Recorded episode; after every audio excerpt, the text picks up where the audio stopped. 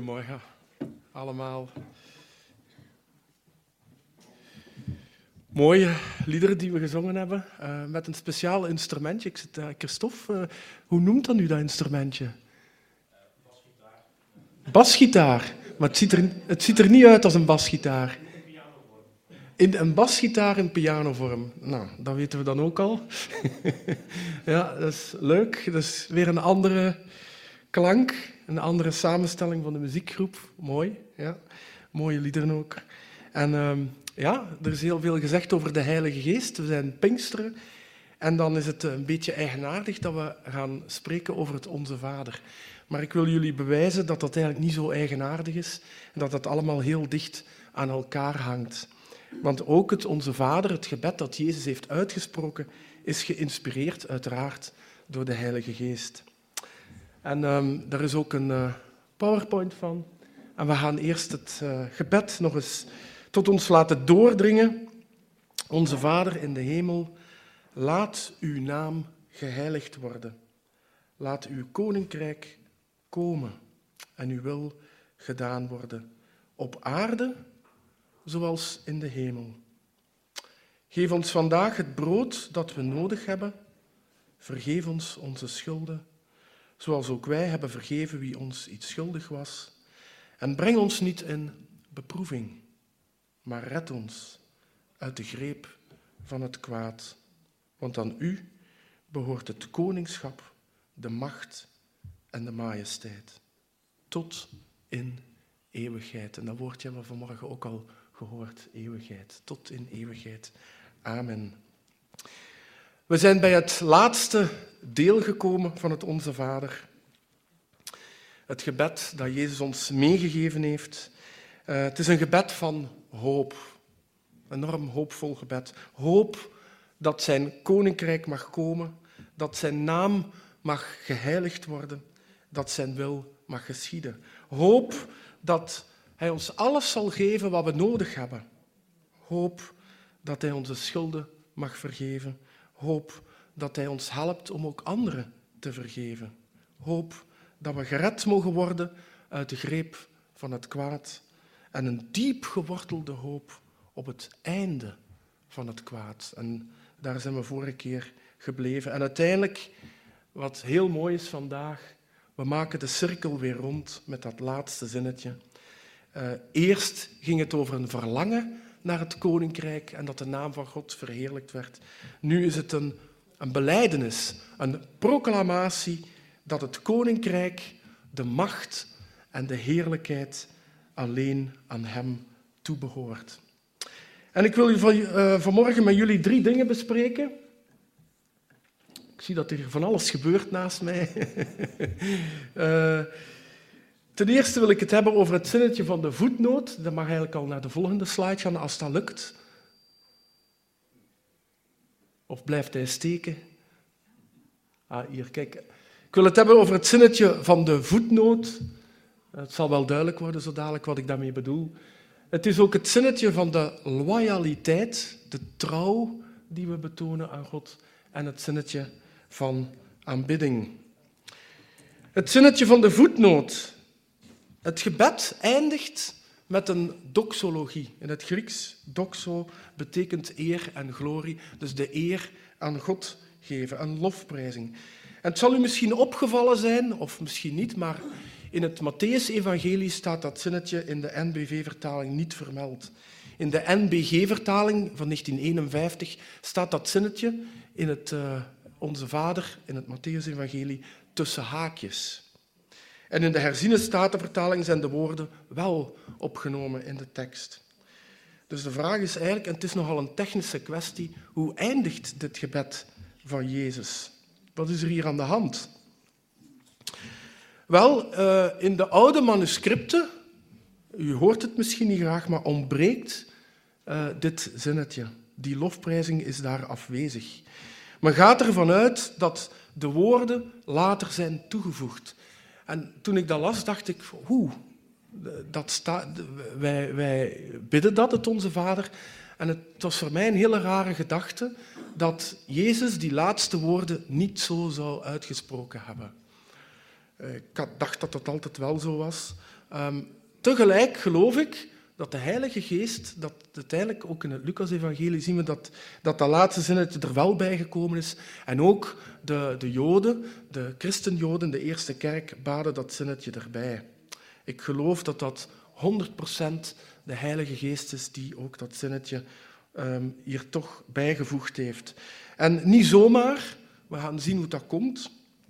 De woorden die achteraf zijn toegevoegd, eigenlijk al heel snel, want het Onze Vader werd heel snel gebruikt door de eerste christenen in hun samenkomsten.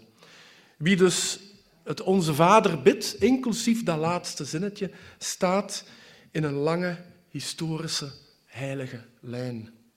De eerste christenen, maar ook de kerkvaders, de reformatoren, de vervolgde christenen, eigenlijk alle wedergeboren zielen van de afgelopen 2000 jaar hebben dit gebed, inclusief dat laatste zinnetje, gebeden.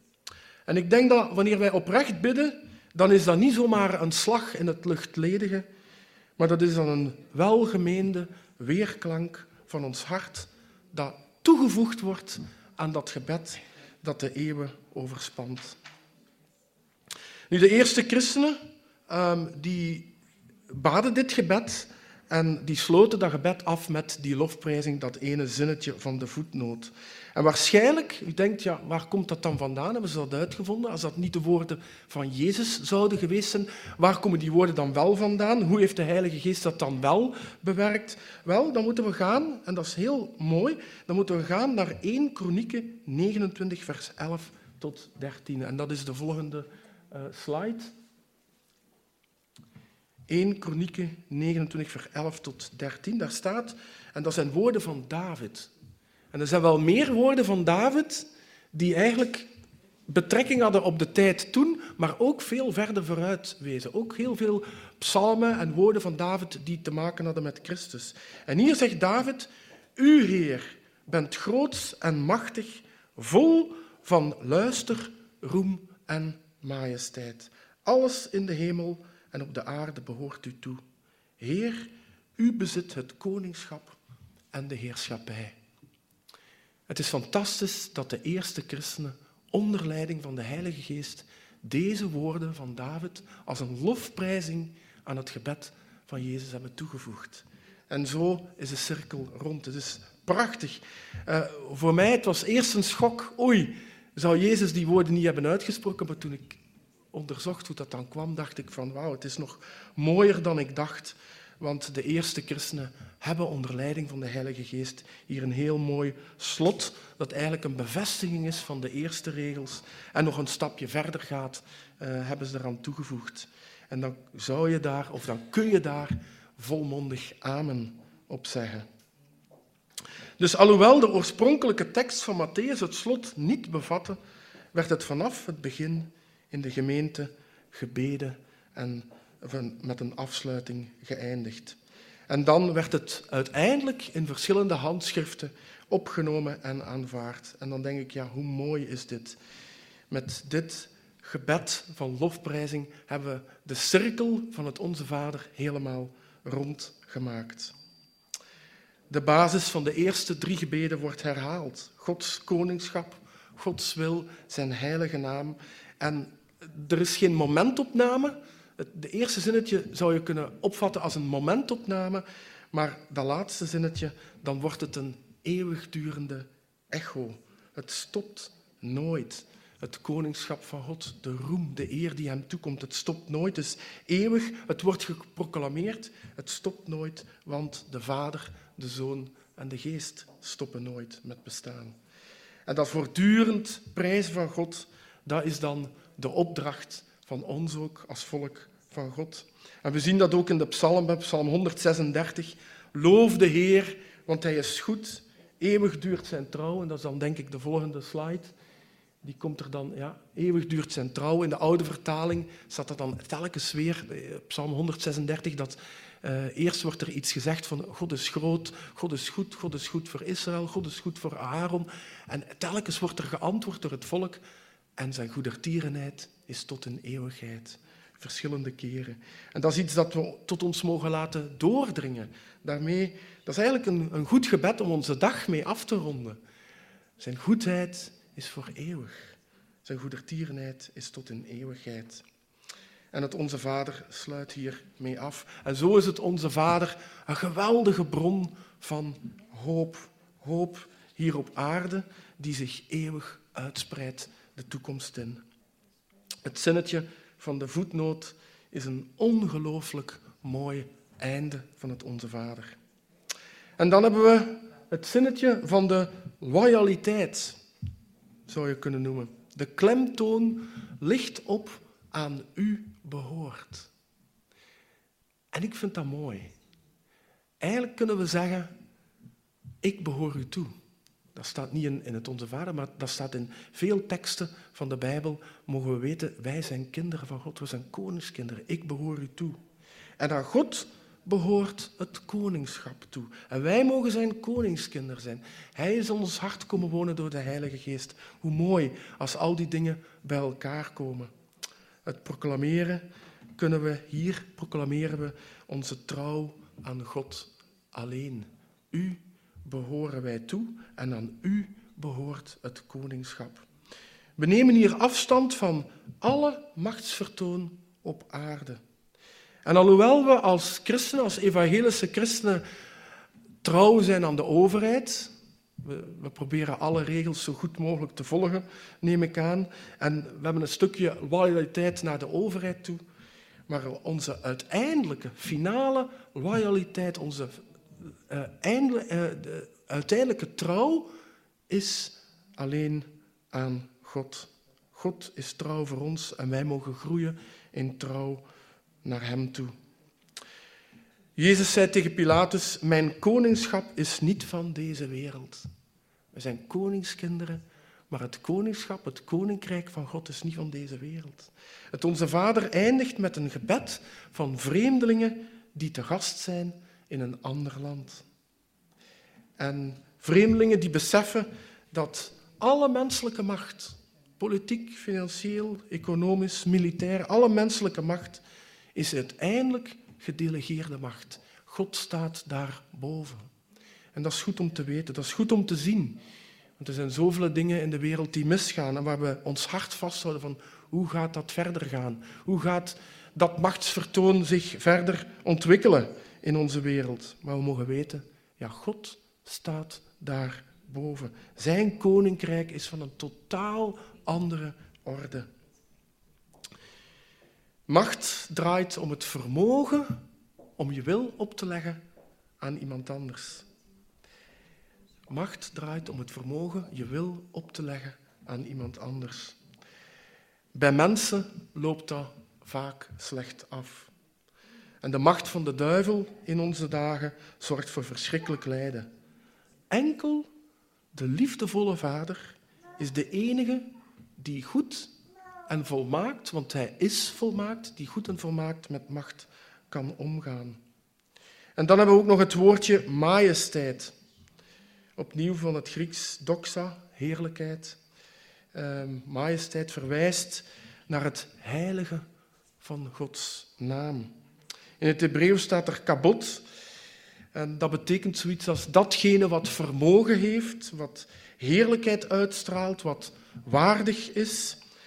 En dan denk ik aan 1 Kronieken 8, vers 10 tot 11. En die tekst heb ik ook voor jullie uh, op de muur. 1 Kronieken 8. En dan zitten we eigenlijk in de tijd van het Oude Testament, de inwijding van de tempel bij koning Salomo. Dan staat er, zodra de priesters uit het heiligdom naar buiten kwamen, vulde een wolk de tempel van de Heer.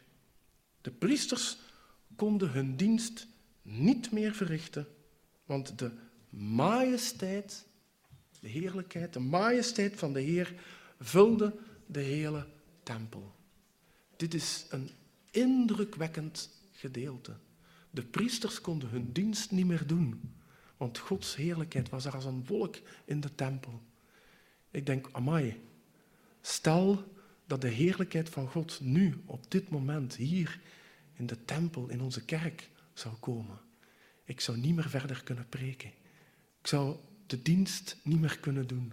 We zouden meteen op onze knieën vallen en meteen verwonderd zijn en zo overdonderd door de heerlijkheid de kabot, de doxa van God, van de Vader, de Zoon en de Geest. Dat moet een ongelooflijk huiveringwekkend, geweldig moment zijn geweest. Het is niks met, we hebben onwederschat vannacht. En ik, ik zei nog gisteren tegen Emien toen we terugfietsten, uh, als kind keek ik heel graag naar het onweer. En ik was niet echt bang, maar het was een mengeling van toch wel een stukje angst. Uh, niet dat ik zo zou wegkruipen, maar een stukje angst en een stukje nieuwsgierigheid. Zo een beetje een combinatie daarvan, huiveringwekkend. En, en ze hadden mij gezegd, ja, je moet tellen als het licht en het, en het geluid, en dan moet je tellen, elke seconde is een kilometer. Als, en ik heb ooit eens proberen te tellen en dan was de bliksem één straat verder van ons thuis ingeslaan. Ik dat gaat er nog veel meer bovenuit, want dit is nog maar een verschijnsel van zijn schepping. Dit is nog maar een fractie van zijn heerlijkheid. De heerlijkheid van God. Heel de schepping vertelt Gods glorie. De Heilige Geest heeft uitgeademd, heeft Gods woord uitgeademd. De Heilige Geest zweefde over de wateren, was ook betrokken bij de schepping. Alles is heel mooi geworden. Iedereen kan het zomaar zien. Er wordt ook geschreven in Psalm 19, vers 2, de hemelen vertellen Gods eer en de aarde. En van dag tot dag gaat het verder en iedereen kan het ontdekken. Iedereen kan verwonderd raken over de heerlijkheid die God in zijn schepping heeft weggelegd, die hij in zijn schepping heeft ingelegd. Het gaat uiteindelijk om alles wat mooi, wat waardig, wat goed is, waar de filosofen naar zoeken, de waarden die we onze kinderen willen doorgeven, datgene wat het leven op aarde zo mooi maakt, die heerlijkheid van God die in zijn schepping ligt. Johannes 1, vers 14, daar schrijft Johannes, wij hebben en ik denk dat die tekst, ja, inderdaad, die staat er. We hebben zijn grootheid, je zou ook kunnen zeggen zijn heerlijkheid, gezien. De grootheid van de enige zoon van de Vader. Dit was Jezus op aarde. Toen Jezus op aarde was, toen konden de mensen, de discipelen, maar ook die zondige vrouw die naar hem toe kwam, de kinderen naar hem toe kwamen, overal waar Jezus eh, ging, konden de mensen een stukje van die heerlijkheid van God zien. Nu, Paulus gaat nog een stap verder in Colossense 1, vers 27. Christus in u, hij is uw hoop. Opnieuw dat woordje hoop. Hoop op goddelijke luister. Hoop dat we die heerlijkheid van God steeds meer mogen ontdekken. Hij was Gods heerlijkheid. De aanwezigheid van Christus hier en nu in onze gemeente is onze hoop en onze glorie. En hoe komt dat? Dat legt Paulus verder uit in Colossense 1, vers 19 en 20. In hem, en dan heeft Paulus het over Christus, heeft heel de volheid, heel die heerlijkheid van de Vader willen wonen en door hem en voor hem alles met zich willen verzoenen. Alles op aarde en alles in de hemel, door vrede te brengen met zijn bloed aan het kruis. Met andere woorden, bij het kruis, waar die verzoening uitgesproken uh, werd, waar die verzoening gevonden wordt, daar was de glorie van God, de heerlijkheid van God in het volbrachte werk van de Heer Jezus. Gods heerlijkheid. Het zinnetje van loyaliteit, we mogen trouw zijn aan God en we mogen zijn heerlijkheid steeds meer ontdekken. En dan bouwt het op, het laatste deel van vanochtend. Als we dat tot ons laten doordringen, dan kan het niet anders. Of we komen tot aanbidding. Eigenlijk zijn we er al mee begonnen vanochtend. En is aanbidding in heel ons leven doorspekt? Is heel ons leven, wordt een leven van aanbidding? Dat laatste zinnetje van het Onze Vader mag een climax worden, een zinnetje van aanbidding. Het woordje kabot zegt niet alleen wie God is, maar het zegt ook wat onze juiste houding ten opzichte van God zou moeten zijn. Het is ook een werkwoord dat we kunnen vertalen met eren. Denk maar aan wat er in Exodus staat: eer uw vader en uw moeder. Het betekent, kabot betekent ook respect, ontzag, eer brengen, eerbied. En zo is het onze opdracht om met een hart dat steeds meer gezuiverd wordt, met juiste motieven God te aanbidden. En de kerk mag zo, en ik vind dat zo mooi, de kerk mag in een traditie staan van het Jodendom en een aanbiddende, steeds meer een aanbiddende gemeenschap worden. Psalm 145 is daar een mooi voorbeeld van. En ik heb een paar zinnen eruit gepikt die ik met u wil doornemen, waarin ja, eigenlijk telkens weer opnieuw dat laatste zinnetje van het Onze Vader weer klinkt. U, mijn God en Koning, wil ik roemen. Uw naam prijzen tot een eeuwigheid. Elke dag opnieuw. Elke dag opnieuw wil ik u prijzen. Het houdt nooit op. Uw naam loven tot een eeuwigheid. Weer dat woordje eeuwigheid. Groot is de Heer. Hem komt alle lof toe. Zijn grootheid is niet te doorgronden. Uh, wij kunnen God aanbidden voor zijn grootheid, ook al kunnen we zijn grootheid niet volledig peilen, niet volledig doorgronden. Wij zien altijd maar een fractie van zijn grootheid. En dat alleen is al zo overweldigend. Laat geslacht na geslacht van uw schepping verhalen, uw machtige daden verkondigen. Geslacht na geslacht, ja. Ze zijn ermee bezig in de zondagschool om de grote daden van God te verkondigen aan de kinderen. Genadig en liefdevol is de Heer. Hij blijft geduldig en groot is zijn trouw. We hebben het vanmorgen ook gezongen. Gods trouw is oneindig, zo groot, zo diep, zo standvastig. Zijn trouw wankelt niet. God wankelt niet. Zijn trouw zal nooit weg hebben, zoals de zee zich terugtrekt.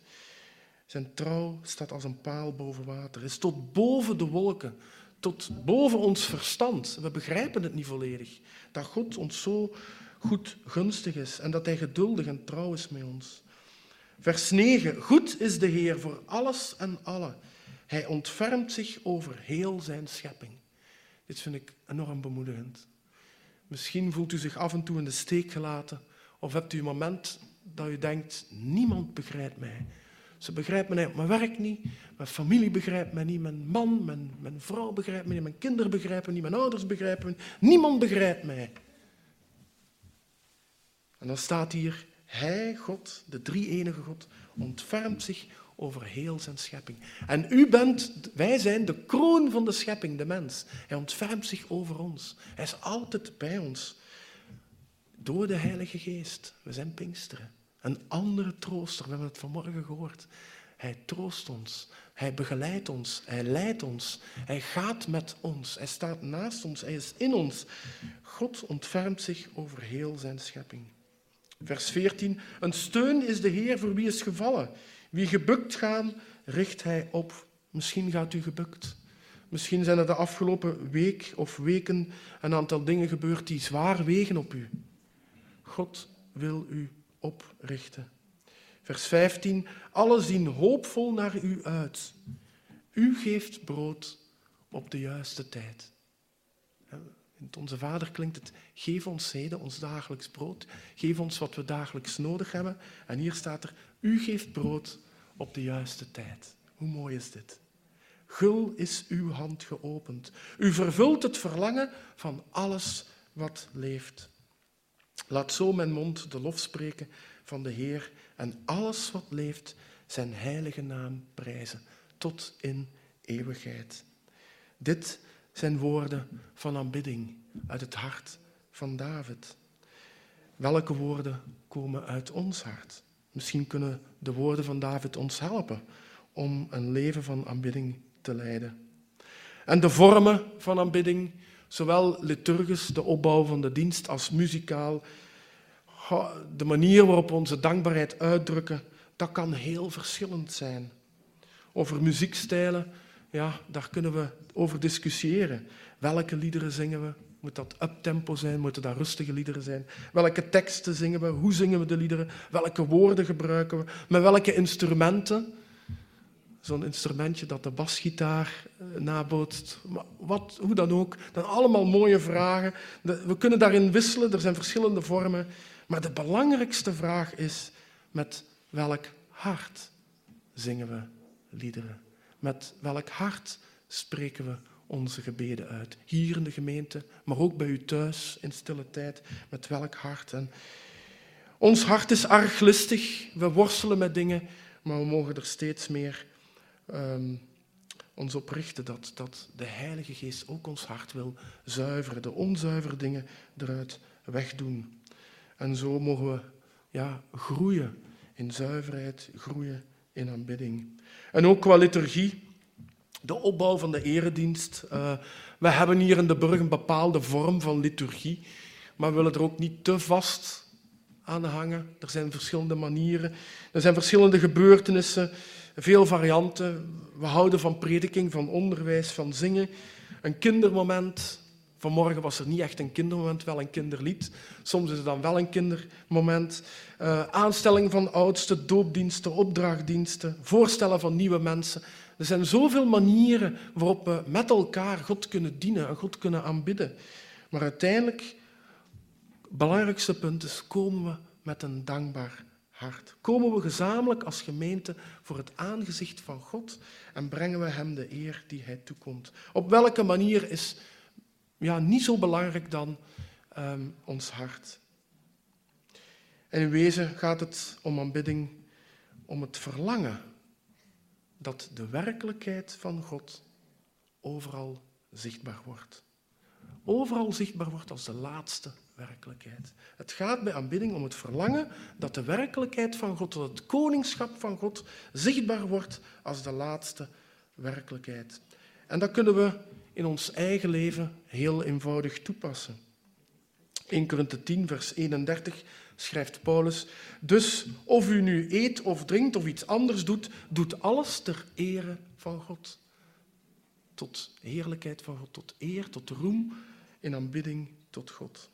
Het zoeken van Gods eer is niet alleen maar zingen, is niet alleen maar bidden, maar zit in hele gewone dingen. In onze dankbaarheid uiten, dankbaar zijn dat het water uit de kraan stroomt. Hoeveel mensen zijn er die geen zuiver water hebben? Dankbaar dat we vannacht tijdens de regens en onweer, dat we lekker droog in ons bed zaten. Het is een levenswijze dat alles wat, alle zegeningen op allerlei vlakken, dat we daar God mogen voor danken en Hem de eer mogen geven. Het Onze Vader begint met een verlangen om te leven tot Zijn glorie en eindigt met een beleidenis, een proclamatie van Zijn glorie. Want aan U behoort het koningschap, de macht en de majesteit tot in eeuwigheid. In het begin is het Onze Vader een verlangen naar Zijn koningschap. Op het einde is het een heerlijke proclamatie van zijn koninkrijk. We benoemen aanbiddend de onzichtbare werkelijkheid van God, die op de dag van Jezus' wederkomst zichtbaar zal zijn voor iedereen. Zijn koninkrijk. En ondertussen mogen we door de Heilige Geest als koningskinderen Hem dienen en Hem eren. In Jezus' naam. Amen. Laten we bidden. Vader in de hemel, uw woord is zo mooi. Wat uw geest uitgeademd heeft en ons helpt om u beter te leren kennen, is fantastisch. We proeven uw heerlijkheid, we proeven uw wezen, we proeven uw trouw, uw goedheid, ook in uw schepping. U bent zo goed voor ons. En we beleiden, Heer, dat, dat we uw koninkrijk zien met onze geestelijke ogen. Heer, als we in deze wereld kijken, zien we er zo weinig van. Maar als we in uw woord lezen en als we weten, Heer, wat u aan het doen bent en als uw Heilige Geest in onze harten werkt, dan mogen we een stukje proeven van uw koninkrijk. En dan mogen we als koningskinderen ons gelukkig prijzen dat we u van dichtbij mogen kennen.